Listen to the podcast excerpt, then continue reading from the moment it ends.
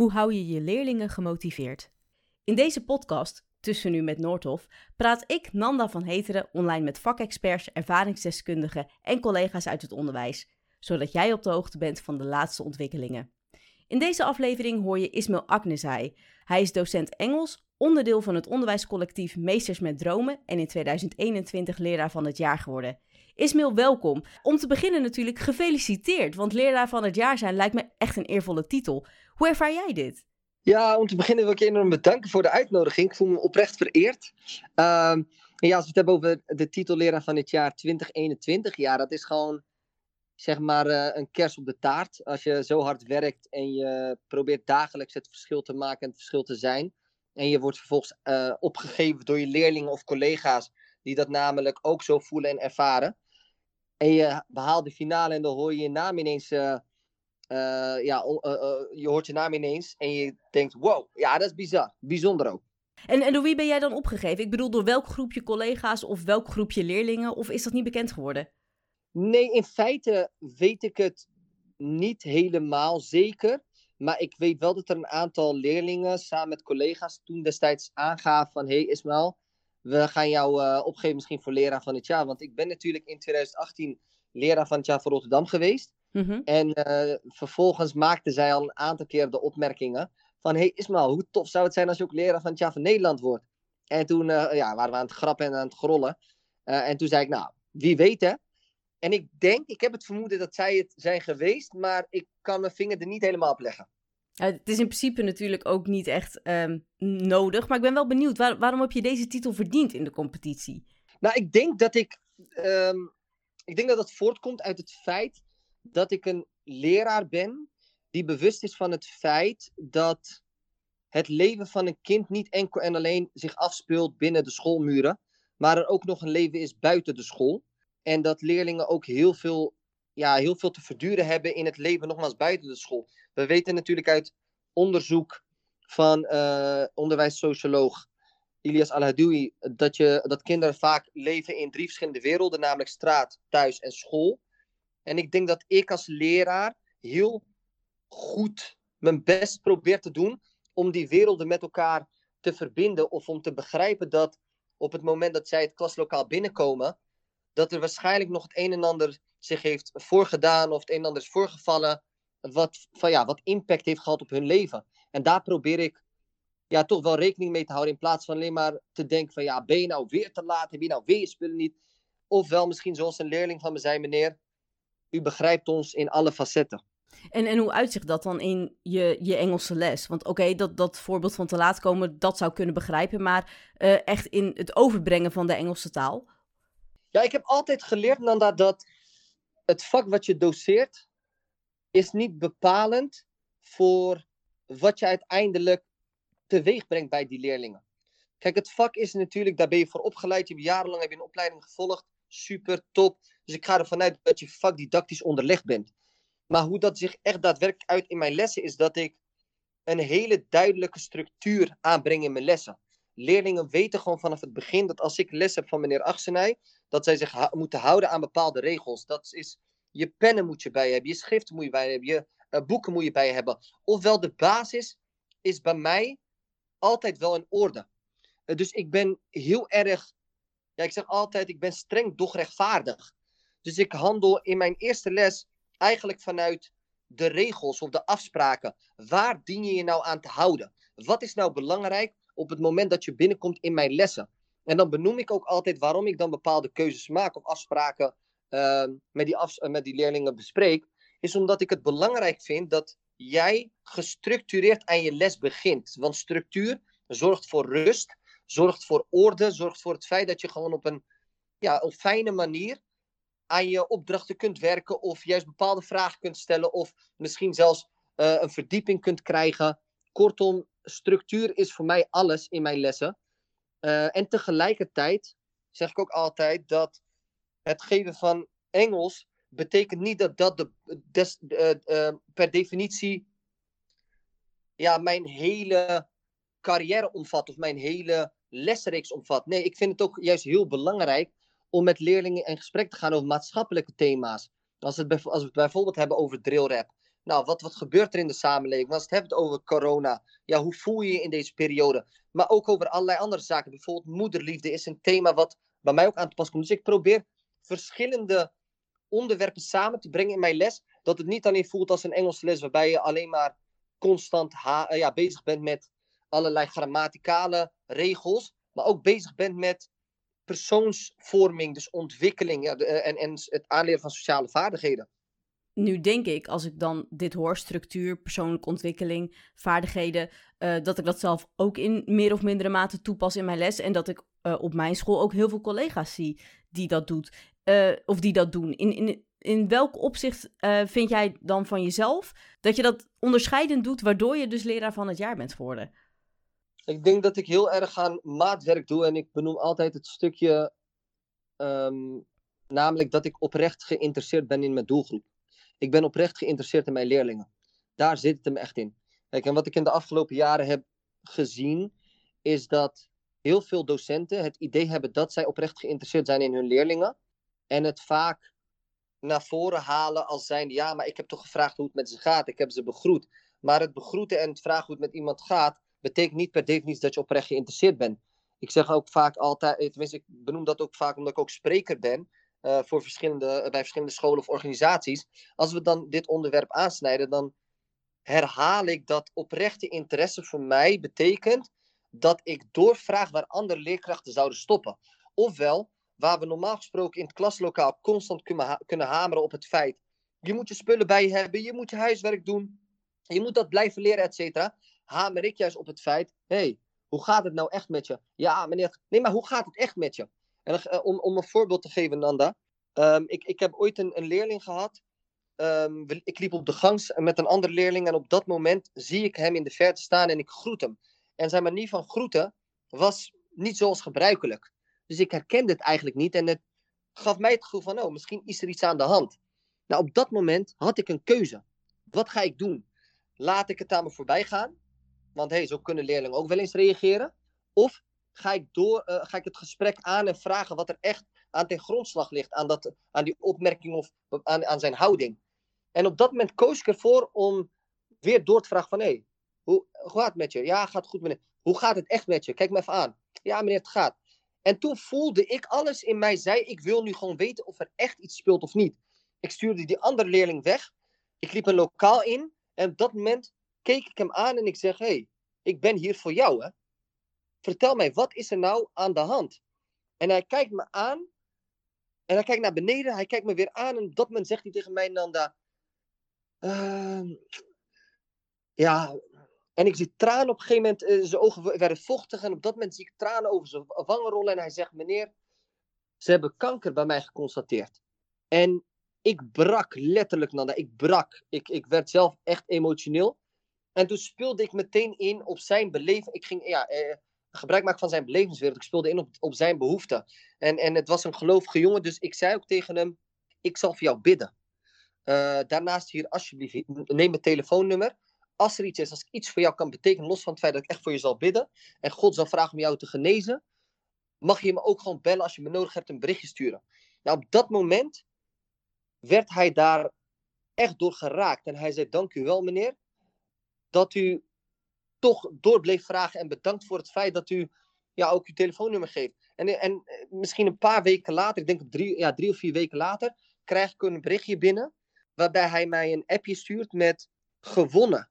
En ik denk, wie heeft een wedstrijd gespeeld? Is het uh, Feyenoord Ajax of zo? Weet je, wat, wat, wat, wat heeft er zich voorgedaan? Welke wedstrijd uh, heeft zich afgespeeld? En ik, ik stuur een vraagteken en hij zegt, meneer, ik heb gewonnen. Ik zeg, ja, wat heb je gewonnen? En hij zegt, ja meneer, ik heb kanker overwonnen. Ik ben genezen. Nou, dan ben je super dankbaar. Dus als je me dan specifiek die vraag stelt, Nanda. Wat onderscheidt jou ten opzichte van andere docenten? Ik geloof echt dat heel veel docenten fantastisch werk doen. Ik kan alleen maar zeggen, wat doe ik? En dat is namelijk, ik vraag door. Hoe vervelend het ook is. En dat heeft altijd geleid tot het feit dat leerlingen hun verhaal hebben gedeeld. En misschien nog ook wel heel belangrijk, dat kan ik wel ook benoemen. Ik ben betrouwbaar. Uh, als leerlingen mij iets vertellen, gaan ze nog met anderen, tenzij het gaat, en dat benoem ik altijd expliciet, het gaat over levensbedreigende situaties, dan geef ik dat wel door. Maar als het over andere zaken gaat, dan hou ik dat voor me. Omdat ik namelijk, ja, ik, ik, ik voel de urgentie om eh, eh, goed om te gaan met het vertrouwen wat ze mij geven. En dat wordt denk ik gewoon enorm gewaardeerd door die leerlingen. En, en dat vertrouwen, want ik vind dit echt een prachtige anekdote. Ondanks dat ik natuurlijk niet wil dat leerlingen ziek worden. En gelukkig hoor dat, uh, dat het goed gaat. Maar dat vertrouwen, heb je dat zelf misschien gemist in je eigen schoolloopbaan? Ja, zeker weten. Ik, kijk, ik, ben, ik kom zelf uit een, uit een uh, gezin die het financieel niet breed heeft gehad. Ik heb daar zelf nooit echt wat van gemerkt, omdat ik echt heel veel, uh, ja, ik heb gewoon heel veel waardering voor mijn ouders dat hebben gedaan. Echt heel veel waardering. Alleen ik kom wel nogmaals uit een gezin met een laag sociaal-economische positie. Ik kom ook uit een kansarme wijk. Uh, ik ben op jonge leeftijd, zoals de meeste mensen inmiddels van mij weten, naar het speciaal onderwijs gestuurd. Ik heb nooit echt volledig het vertrouwen gehad van, van, ja, of, ja, van docenten, ook niet in het onderwijs. Gewoon niet. Ik heb dat vertrouwen niet gehad. Omdat men vaak al uitging of handelde naar de vooroordelen die ze hadden. Oh, kijk eens, hij is weer te druk. Oh, kijk eens, hij praat weer te veel. Oh, zie je nou, het is weer zo'n uh, zo'n kind. Kortom, ik werd zo in een hokje geplaatst dat vertrouwen er niet aan te pas kwam. Waardoor ik zelf ook in alle eerlijkheid echt heel lang moeite heb gehad met mensen te vertrouwen. Uh, ook gewoon in, in mijn privéleven. Ik vond dat echt heel moeilijk. Want ja, mensen kunnen toch ook wel misbruik maken van je. En ik moet ook zeggen dat ik wel eens heb meegemaakt dat ik gaandeweg dan toch tegen mijn eigen gevoel inging. Dacht nee, ik moet mensen leren vertrouwen. En dat ik dan het vertrouwen uitsprak in mensen en, en bepaalde zaken met hen deelde. En dan vervolgens, ja, dan voelt als een mes in je rug. Want dan gaan ze dat soort verhalen toch dan weer delen. Ook in het onderwijs. Of vertel iets aan een docent, denk je, nou weet je wat, ik ga mezelf kwetsbaar opstellen, ik ga het delen. En dan wordt dat toch weer verteld aan andere docenten, want dan merk je dat door de uitspraak of de opmerking die wordt gemaakt van, hé hey Ismael, gaat het nu wel weer goed met je? Dan denk ik, hè, wat? En daar baal je dan enorm van. Uh, dus dat heeft, ja, dat heeft zelf echt wel impact op mij gehad. Vandaar dat ik weet wat het belang is van vertrouwen. En daarom dat ik daar ook wel echt op de best mogelijke manier mee omga. Nou, uit het voorbeeld wat je eerder gaf, blijkt dat absoluut. Is dat ook de reden waarom je in het onderwijs bent, uh, bent gekomen? Van ik wil het anders doen voor mijn eigen leerlingen? Ja, toen ik echt uh, um, het besluit nam om voor, het onder, voor de leraaropleiding te kiezen, toen wist ik nog niet helemaal zeker wat ik kon verwachten, in alle eerlijkheid. Ik wist oprecht niet wat er mij zou afkomen, totdat ik stage begon te lopen. En dat was het moment dat ik echt besefte, wow, dat zijn gewoon allemaal kleine Ismaëls. En eigenlijk wat zij vragen is wat ik vroeg toen ik hun leeftijd had. Dus ik moet gewoon die docent zijn die, zij, die ik zelf ook graag had willen hebben toen ik hun leeftijd had. En dat heeft mij altijd gesterkt in wat ik nu tot de dag van vandaag nog steeds doe. Want vaak, vaak krijg ik ook de vraag: uh, wat heeft jou geïnspireerd om voor het onderwijs te kiezen? Ik denk, en ik draai vaak de vraag om, namelijk: wat heeft mij geïnspireerd om in het onderwijs te blijven? Dus omdat ik namelijk bewust ben van het feit dat, als zij, dat zij echt de toekomst zijn. En als we willen investeren in de toekomst, dan moeten we ze ook de best mogelijke begeleiding aandacht, liefde, genegenheid uh, schenken en geven wat ze nodig hebben. En dat probeer ik te doen, want nogmaals, ja, ik, ik snakte daarnaar als klein kind, wel, weliswaar onbewust, omdat je als kind daar niet helemaal stil bij staat. Maar nu ik dus in de positie sta van leraar, weet ik als geen ander hoe belangrijk dat is dat je dat geeft en wat dat kan doen met een, uh, met een kind nu hoor ik op de achtergrond ook, ook leerlingen en, en mensen volgens mij iets inschenken en, en dat soort dingen. Dus kortom, jij bent op school, ook nu, ja. letterlijk tussen u met Noordhof dus. Um, wat is er nu dan zo leuk aan lesgeven of het onderwijs of een, een dag op je school werken? Oh, Nanda, hoe lang heb ik? nou, genoeg tijd om alles te vertellen wat je wil. nee, Nanda, ik ben, ik word hier gewoon, gewoon gelukkig van. Echt. En ik zeg dit terwijl ik dit zeg, raakt het me ook. Heel veel mensen kunnen dat niet begrijpen uh, als ze niet werkzaam zijn in het onderwijs of echt met hun hart in het onderwijs zitten. Maar op het moment dat jij die kinderen ziet en ze komen naar je toe en ze zegt tegen je, meneer, dank u wel voor het feit dat u er voor mij was. Meneer, ik heb zo lang niemand vertrouwd en ik vertrouw u wel. Ik ben echt blij met u als docent.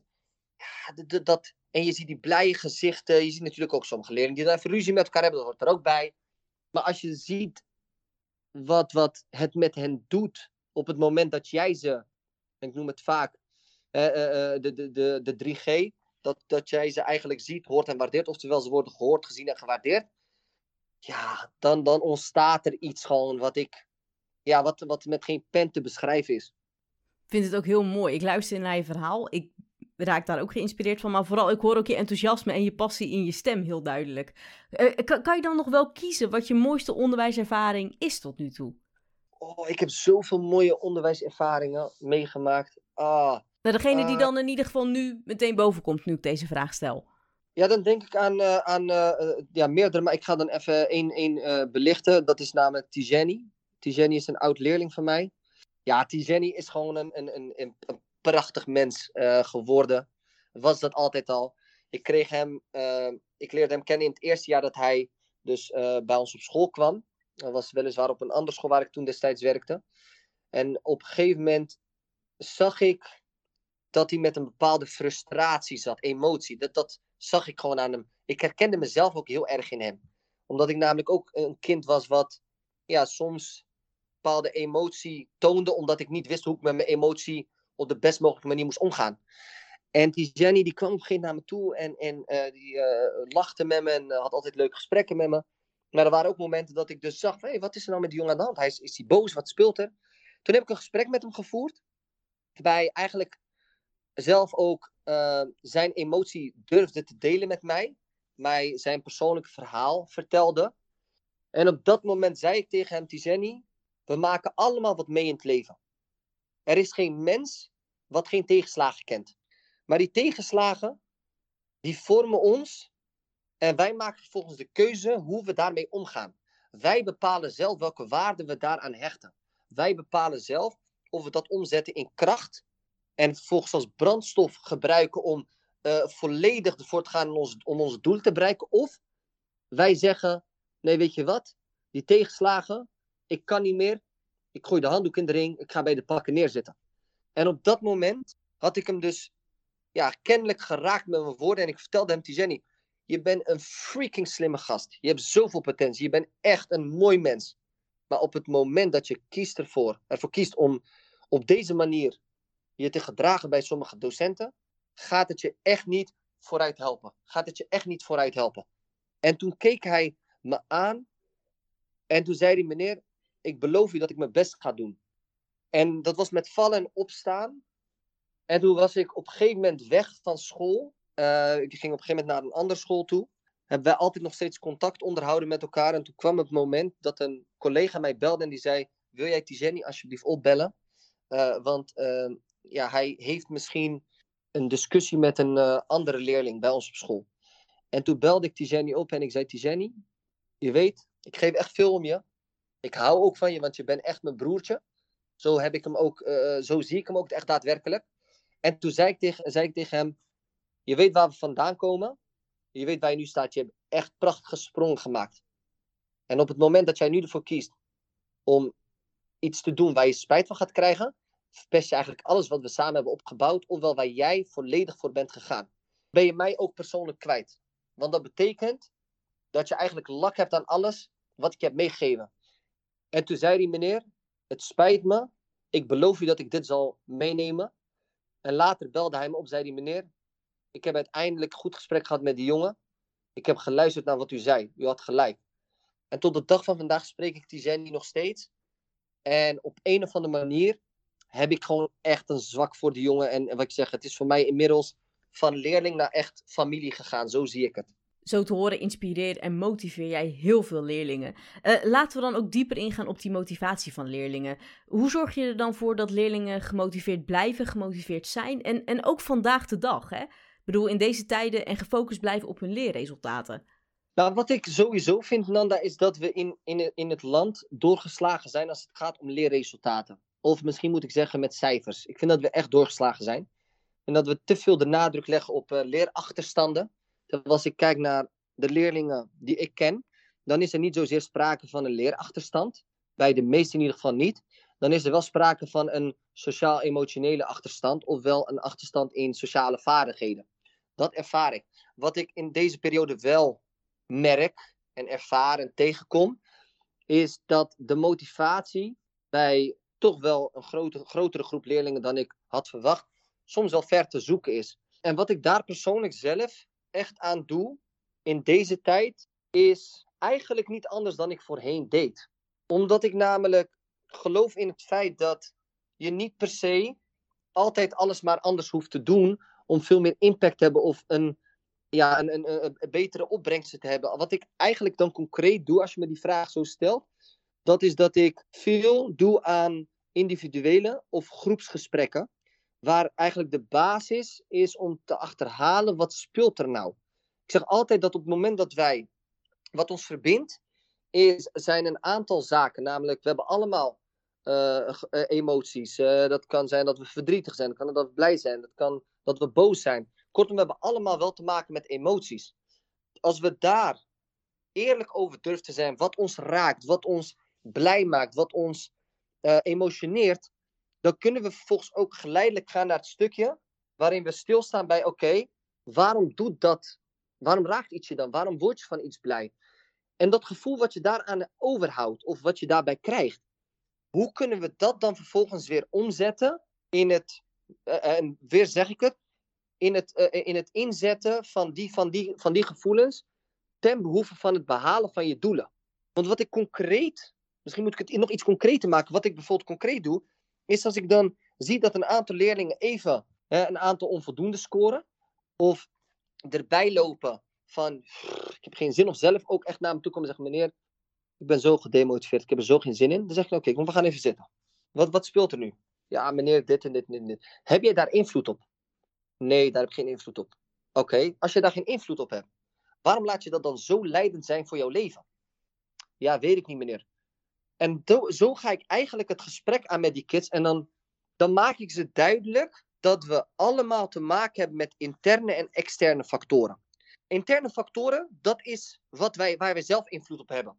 Ik bepaal namelijk zelf, en of tegen die kinderen zeg ik dan, jij bepaalt toch zelf of jij mij gaat uitschelden of niet? Zeggen ze, ja klopt meneer. Jij bepaalt toch zelf of dat als een leerling, eh, een klasgenoot van jou binnenkomt, naast jou gaat zitten, of dat jij bot reageert, of tegen jouw klasgenoot zegt, hé, hey, wat leuk dat je er bent. Ja, klopt meneer. Jij bepaalt zelf of jij naar school komt of niet. Even los van allerlei zaken waar je geen invloed op hebt. Maar op het moment dat jij de metro instapt of de tram opstapt, heb je invloed op het feit dat de metro of de tram te laat uh, vertraging oploopt? Nee, daar heb je geen invloed op. Heb jij invloed op het feit dat iemand naar jou toe komt en die geeft jou een beuk? Nee. Kortom, zaken waar jij invloed op hebt, daar moet je naar kijken. Alles wat ik hoor bij jullie of bij jou, zeg ik dan, zijn allemaal externe factoren. Ja, meneer, die zei dat en die zegt dit tegen mij. Ja, meneer, maar kijk, die lessen zijn niet leuk. Ja, het gaat om jezelf. Het gaat om het feit dat jij degene bent die daar kennelijk heel zwaar aan trekt. Maar je hebt een doel voor ogen? Ja, meneer. Als je dat doel hebt, wil je dat bereiken of niet? Ja. Denk jij dat het bereiken van dat doel over, over ja, hoe zeg je dat, uh, super makkelijk is, dat alles maar goed gaat en dat je helemaal geen struggles gaat meemaken of dat het je even tegenzit? Nee, meneer. Het leven bestaat ook uit tegenslagen, uit moeilijke momenten. Maar dat maakt je alleen maar succesvoller, dat maakt je alleen maar sterker. En nog mooier is het feit dat je dan de zoetheid proeft van het bereiken van jouw doel. En zo probeer ik hen te motiveren, maar ik gebruik mezelf ook vaak als voorbeeld door te zeggen: hey, ik ben op het speciaal onderwijs begonnen. Ik ben opgegroeid in een kansarme wijk. Ik ben omgegaan met mensen die uiteindelijk een ander pad hebben bewandeld. Ik, ben, ik, ik heb ook te maken gehad met uh, allerlei ja, krachttermen die naar mijn hoofd zijn geslingerd. Ik heb te maken gehad met racisme, discriminatie. Ik heb allemaal dingen te maken gehad. Heeft het mij geraakt? Ja. Doet het mij nog wel eens wat? Absoluut. Maar één ding staat vast. Dat gaat mij never, nooit weerhouden of afhouden van het bereiken van mijn doel. En mijn doel is, ik wil mensen verbinden, ik wil mensen raken, ik wil levens verbeteren. Waarom zou ik mij dan laten leiden door wat andere mensen waar ik geen invloed heb, van mij vinden? En ja, zo probeer ik ze eigenlijk te motiveren om vervolgens weer stil te staan bij het feit, oh ja, ja, als ik dat wil bereiken, moet ik soms ook dingen doen die minder leuk zijn. Dus ik, ik hoor je eigenlijk een aantal dingen zeggen. Uh, de cirkel van invloed, om, om dat bewust te maken bij je leerlingen. Je eigen ervaringen en hen zo uh, uh, de rust te geven, zodat zij zich weer kunnen focussen op hun schoolwerk, begrijp ik goed. Ja, ja, dus eigenlijk af, wat je zegt inderdaad, cirkel van invloed, maar inderdaad ook afpellen, wat is nou e-, echt zo belangrijk en wat niet. Of, ofwel, wat is urgent en wat is belangrijk? is alles, al hetgeen waar we ons druk om maken, ook echt de, de moeite, of tenminste, is het waard om daar ook de nodige energie, tijd en aandacht aan te besteden of te geven? Nee. En dat probeer ik inderdaad dagelijks te doen om ze toch weer te motiveren. En tot nu toe, gelukkig zeg ik bij de meesten, lukt het. Maar de realiteit is ook dat je niet elk kind uh, of elke leerling daadwerkelijk daarin mee kunt krijgen. Ja, weet je, soms is het voor een aantal ook gewoon wel even vallen. Uh, om vervolgens te beseffen van oké, ja, zie je nou, ik had toch uh, dat, dat en dat moeten meenemen. En ik heb dat ooit echt gehad nadat dat een, ook weer een oud leerling van mij, nou, ik moet niet zeggen één, ik heb dat met meerdere oud leerlingen gehad, die mij dan achteraf bellen uh, of een berichtje sturen via social media en zeggen: Meneer, ja, u had echt gelijk, man. Ik, waar had ik gelijk Ja, u zei het nog in, in, in de les. U vertelde dit en dit nog aan ons. En u had gewoon groot gelijk. Zeg ik: Hé, hey, het gaat mij niet om een gelijk, hè? Wat heb ik jullie altijd verteld? Ja, meneer, dat u het, beste met ons voor heeft. Precies. Mijn doel is om jou een beter leven te schenken. In hoeverre ik daar invloed natuurlijk op heb. Om in ieder geval jou de juiste tools, eh, de tools en, en handvaten mee te geven waar je wat mee kunt, die ik zelf had gemist toen ik jullie leeftijd had. In, in het PISA-onderzoek over leerlingmotivatie staat: In vergelijking met andere landen zijn Nederlandse leerlingen in het voortgezet onderwijs, dus het VO, minder gemotiveerd om te leren. En dan staat erachter OECD 2016. Recent Nederlands onderzoek laat onder meer zien dat leerlingen gemotiveerd beginnen aan de eerste klas van het VO, maar dat deze motivatie in de jaren daarna daalt. Dat zegt Wijsman en anderen in 2018. En Nederlandse leerlingen blijken zelf de minst gemotiveerde lezers ter wereld te zijn, volgens de SLO in 2017. Ehm, als jij dan je, je eigen ervaringen uh, op persoonlijk vlak en persoonlijke ontwikkeling naar je leerlingen vertaalt in de lessen, herken jij dit dan uh, bij motivatie? En, en waarom denk je dat Nederland hierin afwijkt van andere landen? Ik herken dat wel. Waar dat dan aan ligt. Nou, het bizarre is dat we al jarenlang. Ik denk dat dat niet zozeer alleen maar te maken heeft met wat er in in het klaslokaal gebeurt wat er binnen school gebeurt. Ik denk dat dat ook gewoon te maken heeft met waar leggen we de prioriteiten vanuit uh, uh, ja, het ministerie van Onderwijs, vanuit uh, de overheid. Waar leggen we de nadruk op? Als we vinden dat, als we zien dat onze leerlingen op het gebied van lees, lezen laag scoren, eigenlijk gewoon bijna niet meer lezen. Hoe kan het dan zo, en we willen daar wat aan doen. Hoe kan het dan zo zijn dat, dat er minimaal, minimale scholen zijn die bijvoorbeeld een bibliotheek intern hebben. Hoe kan het zo zijn dat er eigenlijk bijna geen ruimte in het curriculum is, of in, in, in een, uh, ja, eigenlijk schoolbreed geen ruimte is, om veel meer bezig te zijn met leesvaardigheid. Waar ik denk dat het vaak, ja, dat is mijn opvatting, ik zeg altijd dat komt vanuit mezelf, is wat ik heb ervaren. Uit mijn ervaring blijkt dat de leerlingen die in het eerste jaar eigenlijk zich zodanig gedragen dat je denkt, super, en leerlingen die uh, en volgens in klas 2 zich anders gedragen, dat dat voortkomt vanuit het feit dat de basis niet op orde was. Als die leerlingen van groep 8 binnenkomen en er zijn geen duidelijke regels, geen duidelijke structuren, geen duidelijke kaders, dan is het niet meer dan vanzelfsprekend dat het kind op een gegeven moment in, ja, ik denk, ik zeg altijd, zit meestal ook in, uh, in, in, het natuur van, van, uh, in de natuur van het kind, dat het kind automatisch gaat denken, ja, weet je wat, ik ga in leerjaar 2 doe ik het gewoon anders. Want elk kind gaat onbewust even toch ja, eh, de kat uit de boom kijken. Hoe is die leerkracht? Uh, hoe uh, handelt hij of zij? Welke keuzes maken ze? Hoe reageren ze op ja, bijvoorbeeld ja, wanorde in de klas? Hoe reageren ze op leerlingen die hun spullen niet meenemen? Dat, dat slaan ze allemaal onbewust op. En vervolgens gaan ze daar ook in sommige gevallen naar handelen. Ik zelf, kijk het naar mijn eigen leerlingen, zij weten hoe ik werk. En tuurlijk is het keihard werk, laat het ervoor opstellen. Want ik maak ook fouten. Ik maak ook wel eens mee dat leerlingen zich niet aan bepaalde regels houden. Maar ik heb wel hele duidelijke structuren. En ze weten inmiddels, oké, bij meneer Achsenij moet je altijd je boeken bij hebben, moet je altijd schip bij hebben, moet je altijd je pen bij hebben. En dit klinkt heel logisch, Nanda, want ja, dit zijn toch gewoon de regels die vanzelfsprekend zijn. Toch gebeurt het niet. Ik denk dat die, motivatie, ja, eh, eh, eh, het, het minimale motivatie wat ze hebben ook voortkomt uit alles wat we maar doen binnen de school. We zijn alleen maar bezig, nogmaals, met cijfers. We zijn alleen maar bezig met extra ontwikkelingen, waardoor er eigenlijk geen ruimte is om even plezier te hebben. En eigenlijk wil je juist dat dat kind binnenkomt, levensecht leert, plezier heeft. En omdat hij of zij plezier ervaart, vervolgens ook er, ja, hoe zeg je dat, eh, ehm, qua inhoud op vooruit gaat. Want er is geen kind wat leert zonder zich bijvoorbeeld veilig te voelen, zonder plezier te hebben. Dat, eh, dat kan ik me niet voorstellen. Dat is gewoon niet zo. En ik denk dat we hier in Nederland een, een fantastisch, uh, we hebben echt wel goed, we kunnen echt goed onderwijs bieden. Alleen zijn we een beetje doorgeslagen in, nogmaals, waar de, waar de nadruk op ligt. Te veel ontwikkeling, ik blijf het benoemen. Uh, te veel de focus op cijfers. We zijn echt een prestatiemaatschappij. Uh, ook die zeven verschillende niveaus. Uh, hoe, ja, hoe gek kun je het krijgen?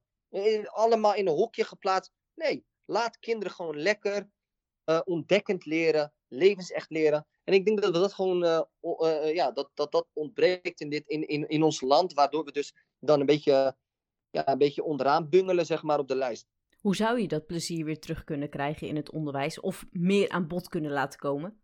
Nou, dit klinkt heel erg uh, simpel, maar dit is wel gewoon de realiteit.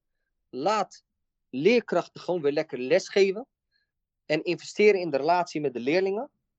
En haal al dat uh, extra gerapporteer en geregistreerd, haal het even gewoon weg. Ga kijken naar waar ligt behoefte binnen een school. Waar is er daadwerkelijk behoefte aan?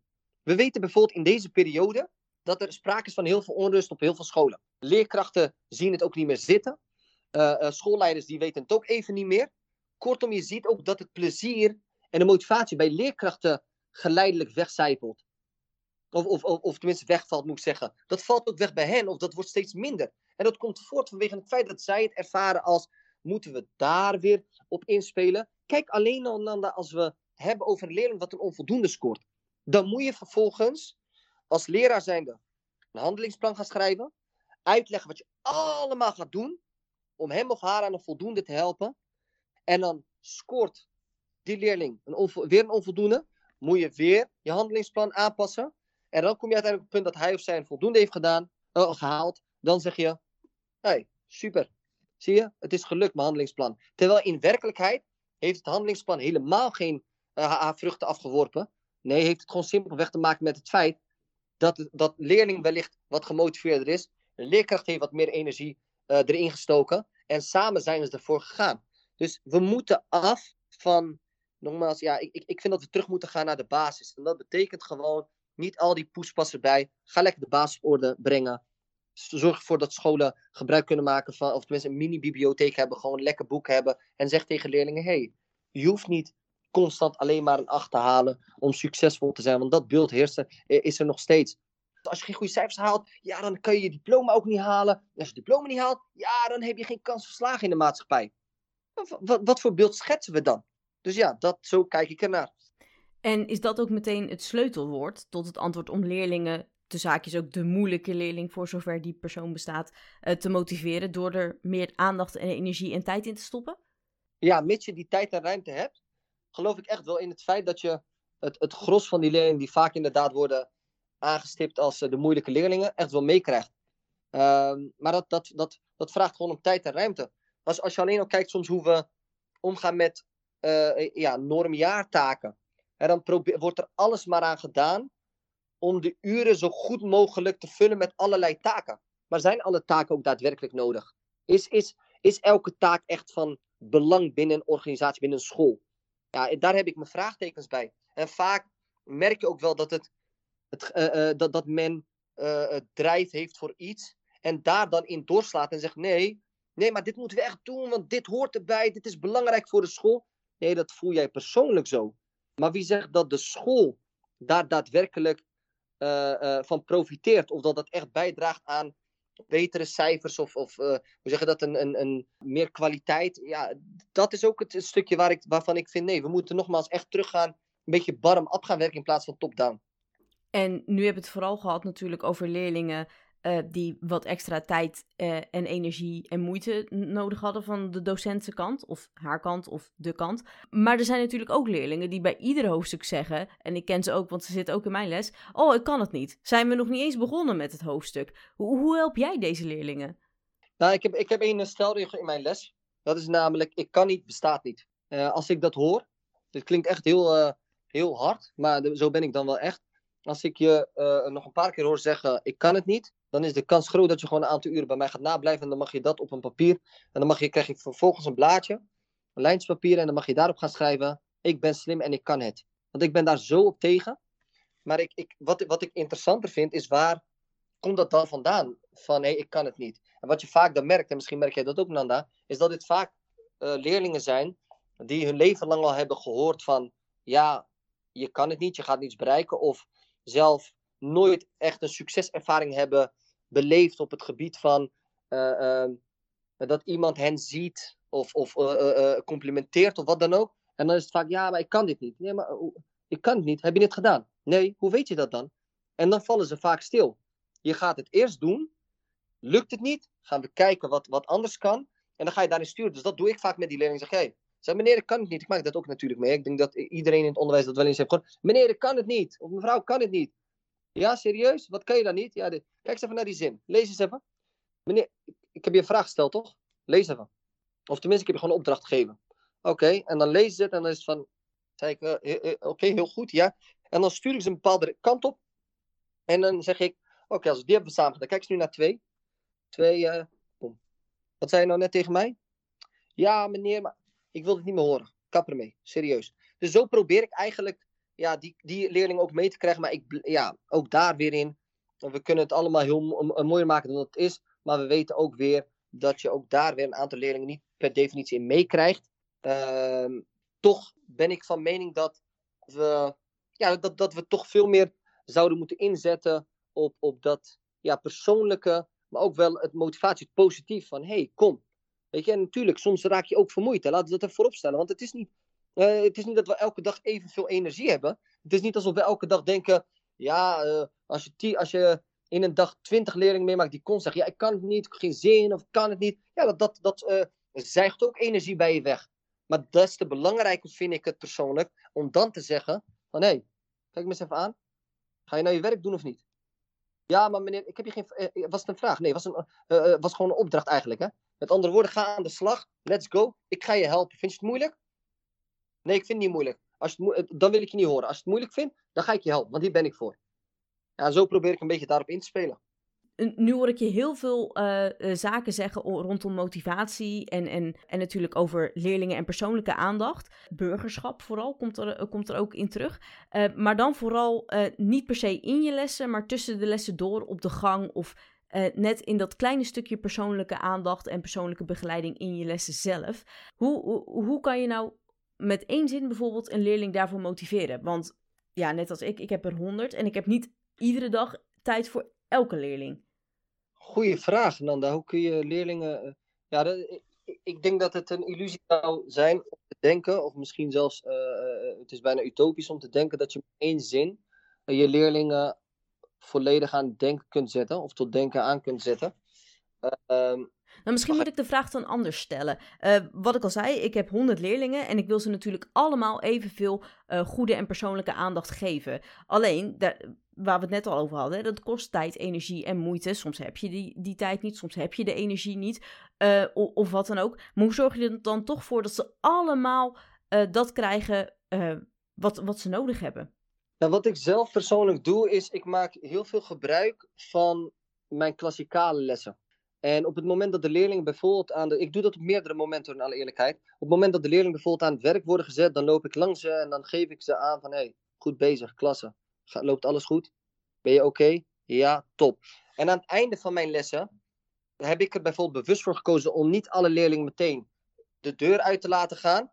Maar dan zeg ik ook welke leerlingen eerst mogen opstaan om het klaslokaal te verlaten. En waarom ik dat doe, niet om ze dwars te bomen of dwars te liggen, maar puur vanwege het feit dat ik juist wil benoemen hoe goed ze het hebben gedaan. Dan is het bij mij bijvoorbeeld, hey, jij mag gaan, goed gewerkt, hè? trots op je, fantastisch gedaan. En bij de ene blijf ik iets langer hangen en benoem ik eh, wat meer punten. En de reden waarom is omdat ik omdat we volgens mij allemaal bewust zijn van het feit dat als we gelijke kansen willen creëren, dan moeten we ook ongelijk behandelen. Want elk kind vraagt iets anders.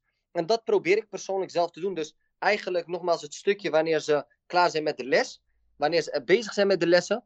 En tijdens de pauzes, in plaats van dat ik alleen maar ga zitten in, uh, in, de, uh, hoe zeg je dat, in de personeelskamer, kies ik er ook voor om gewoon even lekker op de gangen te lopen, gesprekken te voeren met leerlingen, af en toe even een leerling apart te nemen, even te vragen wat er is. En wat je dan ziet, en dat vind ik persoonlijk dan heel mooi, is dat leerlingen zelf op een gegeven moment ook jou opzoeken en zeggen: Meneer, kan ik u even spreken? Ik zou even graag uh, wat met u willen delen. Of dan sturen ze een berichtje via Teams: Meneer, heeft u straks tijd? En dat probeer ik wel, want eh, ik, ik zeg ook altijd: op een gegeven moment is mijn energie ook op. Dus ik probeer wel dat in balans te, te houden. Door ook wel eens aan te geven: van ja, zullen we dat dan morgen doen? Tenzij het echt urgent is. Maar ja, zo probeer ik het eigenlijk te doen. En, en um, soms heb ik wel momenten dat ik denk, wow, ik heb echt te weinig tijd voor die leerling of die leerling. En zodra ik dat dan besef, probeer ik er naar te handelen. Maar ik, in, in grote lijnen probeer ik eigenlijk mijn best te doen om zo goed mogelijk in beeld ook te, te, te, te brengen welke leerling misschien gebaat zijn bij wat meer aandacht. En daar geef ik dan iets meer aandacht aan. En de leerlingen die dat minder nodig hebben, die probeer ik dan even middels een complimentje of even een kort praatje en nog even het een en ander mee te geven. Dus zo probeer ik in ieder geval mijn best te doen en bij te dragen aan wat meer motivatie en ook persoonlijke aandacht. Uh, je hebt net al benoemd hoe leerlingen niet opgeven tijdens jouw eigen lessen. Maar waaraan merk je of hoe merk je dat jouw aanpak werkt? Ik denk dat dat met name zichtbaar wordt door de inzet die zij tonen in de lessen. Want ik vind cijfers alleen niet de juiste graadmeter. Maar je merkt het ook wel in hoe actief ze deelnemen aan de les. Door dan toch hun vinger op te steken bij bepaalde vragen die ik stel door achteraf even nog te, te blijven hangen en te vragen: meneer, kun, uh, heb ik dit, dit en dit goed begrepen? Maar ook wel dat ze achteraf op de gangen naar me toe lopen en zeggen: meneer, ik heb onthouden wat u tegen mij zei. Hè? Wat dan? Nou, dit en dit en dit. En dan denk ik: oh, oké. En dan zeggen ze van meneer, ik ga ervoor. Dus daar merk, je, merk ik dan in ieder geval dat mijn aanpak werkt bij de meeste leerlingen. Uh, maar ook wel in het, in het stukje dat als ik ze dan aanspreek iets, zeg kan je nog herinneren wat we met elkaar hebben afgesproken? Dan is het, ja meneer, u heeft gelijk. Want uh, laten we realistisch zijn. Tuurlijk, elk kind heeft wel eens een terugval. Dat hebben mijn leerlingen ook wel eens op bepaalde momenten. En dan is het gewoon even weer herhalen. Weet je nog wat we hebben afgesproken? Daarna refereren. En dan is het weer, oh ja, klopt meneer. Dus da daar merk ik het met name in. En heb je dan één ultieme tip als docenten zeggen van ik moet meer aan die motivatie van mijn leerlingen werken, hoe, hoe ze dat dan meteen kunnen aanpakken? Volgens mij zei Rita Pearson, echt een onderwijslegende, ooit heel mooi. Leerlingen leren niet voor docenten die ze niet aardig vinden. Als je een docent niet mag, ga je never nooit harder werken voor een docent. Sterker nog, het enige wat je denkt als leerling, kan ik alsjeblieft zo snel mogelijk uh, dit lokaal verlaten? Kan ik zo snel mogelijk uit deze les? Oh, wat heerlijk als ik klaar ben met deze les van deze docent. Dat is gewoon de realiteit. Mijn ultieme tip voor elke docent is: investeer in die relatie met je doelgroep, met je leerlingen laat zien dat je er echt voor bent. Dus niet alleen maar in woorden, maar echt in daden. Dat is gewoon echt voor mij de basis en dat omvat voor mij alles. Want kinderen werken gewoon harder voor een docent die ze echt mogen, waar ze het gevoel bij hebben. Ja, die is er echt voor mij. Hij of zij is eerlijk, oprecht, puur. Dus dat is mijn, mijn, mijn grootste tip. Als je dat doet, dan, gaat dan ben je eigenlijk, ja, gebruik je nogmaals, of zet je de relatie in op een positieve manier. Maar altijd wel met de kanttekening dat je het nog echt benadrukt als docent zijnde. hey, zie je wat je aan het doen bent? Ik snap dat je het ook wel deels voor mij doet. Maar je doet het met name voor jezelf. Want hiermee investeer je gewoon in je eigen ontwikkeling. Dus dat is mijn grootste advies. En hoe blijf je als docent zelf dan gemotiveerd in deze pandemie, waarin je constant je lessen moet veranderen qua vorm of qua inhoud en heel flexibel moet zijn? Bewust zijn van het feit dat ik een grote verantwoordelijkheid heb gekregen uh, en dat is namelijk wat betekende voor het leven van deze kinderen. Ik heb het ook soms zwaar gehad, in alle eerlijkheid. Ik heb ook wel eens momenten gehad met de online les dat ik dacht, ja, uh, hou op. Ik ben dit helemaal spuug en spuug zat. Dat ik gewoon mee wilde kappen. Ik dacht van, ja, is dit wel de juiste plek voor mij? Ga ik dit mijn leven lang blijven doen? Zo erg zelfs? Ja, echt serieus. Ja, want ik, ik, ik, zat me echt, ik, ik, ging, ik had allerlei scenario's in mijn hoofd. En dan dat ik dacht van, ja, blijven we nou ons leven lang gewoon online les verzorgen? Is dit het? Echt, dat ik dacht, ja, maar dit, hier heb ik niet voor gekozen. Ik ga dit echt niet blijven doen.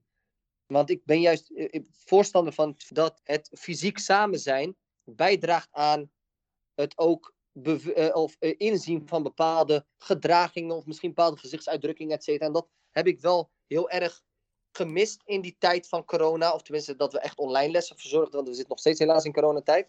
Maar wat mij tegelijkertijd ook wel weer heeft gemotiveerd, is dat ik echt ik, ik zie dit, ja, uh, mensen zullen misschien voor gek verklaren, maar ik zie dit echt als een roeping, het zijn van een uh, docent. Ik zie dit echt als een grote verantwoordelijkheid waarmee je nogmaals, het leven kunt veranderen. En, en, en volgens mij zei Nelson Mandela dat heel mooi. It takes a village. Nee, sorry, zei hij. Education is the most powerful weapon which we can use to change the world. En dat is wel iets waar ik echt heilig van overtuigd ben. Onderwijs, goed onderwijs is gewoon het fundament van onze samenleving. En, of, of, of creëert een, een, sterk funda fundament van onze samenleving. Hoe kan het dan zo zijn dat ik niet wil werken aan het creëren van, die, van, van, van een goede, sterke samenleving? Dat is voor mij ja, constant beseffen. En ik heb ja, misschien ook nog het stukje qua het gevoelsmatige wat erbij zit. Ik denk, ja, maar wacht nou, Ismael, je bent hier eindelijk. Je kunt eindelijk wat betekenen voor leerlingen die niet altijd zeker over zichzelf zijn, niet altijd vertrouwen in zichzelf. Jij was daar zelf ook naar op zoek. Het heeft je heel lang, veel tijd gekost om zo iemand tegen te komen. Hoe kan het nou zo zijn dat jij nu op deze positie bent en dan ervoor kiest, omdat het even tegen zit, uh, uh, om, om de handdoek in de ring te gooien? Hou op. Nee, je, je, brengt die leer, je, je geeft die leerlingen juist mee. In moeilijke tijden leer je jezelf het beste kennen en dan moet je juist ervoor gaan en gebruik het als energie, gebruik het als kracht, als brandstof. En dan ga ik vervolgens datgene wat ik uitdraag of, of bespreek met hen of meegeef aan hen, doe ik zelf niet. Nee, is maar practice what you preach. Voor mij is het echt heel goed om te horen. Niet, niet van dat, dat het onderwijs dan uh, de leraar van het jaar gaat missen. En, en, ja, we hebben net al helemaal besproken of jij vooral hoe, hoe dat zich uit. Maar gewoon dat je ook af en toe wel momenten hebt, ondanks dat je echt wil bijdragen aan uh, die goede samenleving en aan de ontwikkeling van leerlingen, dat je denkt van, oh wauw, hoe kom ik hier nou weer uit? Als in dat het je gewoon even net door de pandemie of iets dergelijks te veel energie kost, of online je niet volledig kan geven zoals je het in de klas zou doen, enzovoort, enzovoort. Dus ik ben heel blij met het delen van, uh, van jouw verhaal. Dank je wel daarvoor. Graag gedaan. Ik heb uh, voor deze podcast nog één laatste vraag, want de voorjaarsvakantie staat natuurlijk bijna voor de deur. En als het gaat ja. over leerlingmotivatie, heb je dan nog een boekentip bijvoorbeeld? M misschien, als het, ja, als het gaat om leerlingmotivatie, een boekentip. Ik heb best wel wat boeken in mijn hoofd. Ik weet niet of dat zozeer direct uh, te maken heeft met leerlingmotivatie. Maar ik zou wel als boekentip willen meegeven. Uh, dat is namelijk het boek van Ilias Al-Hadiwi.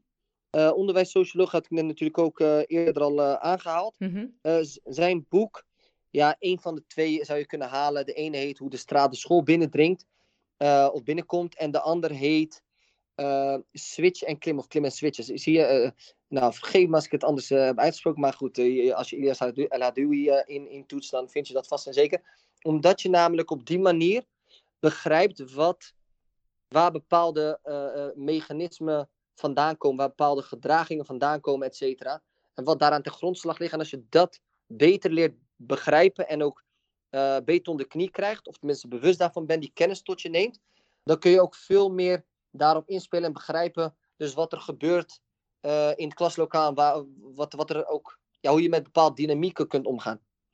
Is goed om te horen. Ik, ik ga het noteren en ik weet wat ik te doen heb deze voorjaarsvakantie. Nogmaals, dankjewel voor dit goede gesprek. Graag gedaan. Jij bedankt.